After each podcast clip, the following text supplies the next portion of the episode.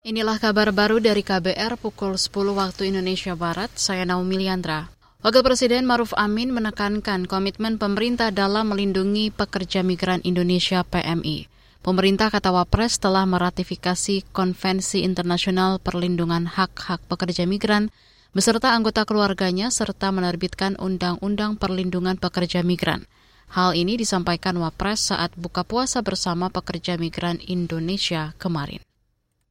Oleh sebab itu, pemerintah akan terus menjaga komitmen dalam kebijakan perlindungan pekerja migran serta terus memperbaiki pengelolaan pada sektor ketenagakerjaan ini. Wapres Maruf Amin mengatakan kontribusi pekerja migran dalam membangun negeri harus mendapat apresiasi.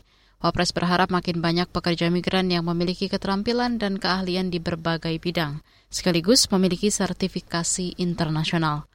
Kita ke informasi selanjutnya. Panglima TNI Yudo Margono meminta jajaran Angkatan Udara terus berlatih untuk menjadi angkatan yang modern dan profesional. Yudo mengatakan Angkatan Udara harus meningkatkan kemampuan untuk menghadapi spektrum ancaman yang makin kompleks. Ini disampaikan Panglima saat upacara peringatan hari ulang tahun ke-77 TNI Angkatan Udara kemarin.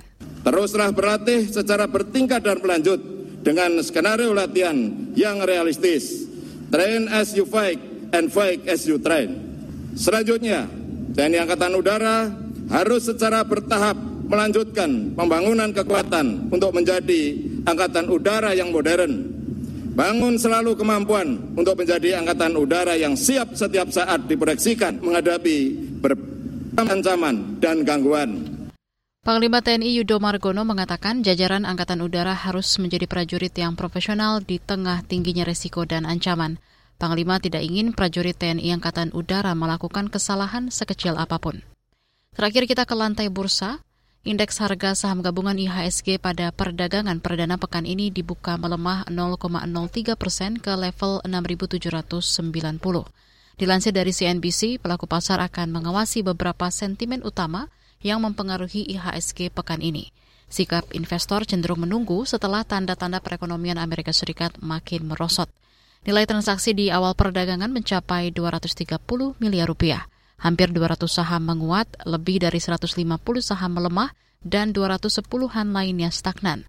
Sementara itu nilai tukar rupiah di awal perdagangan sempat menguat 0,2 persen ke posisi 14.880 per dolar Amerika Serikat.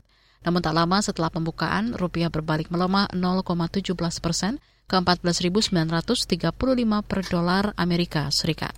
Demikian kabar baru saya Naomi Liandra.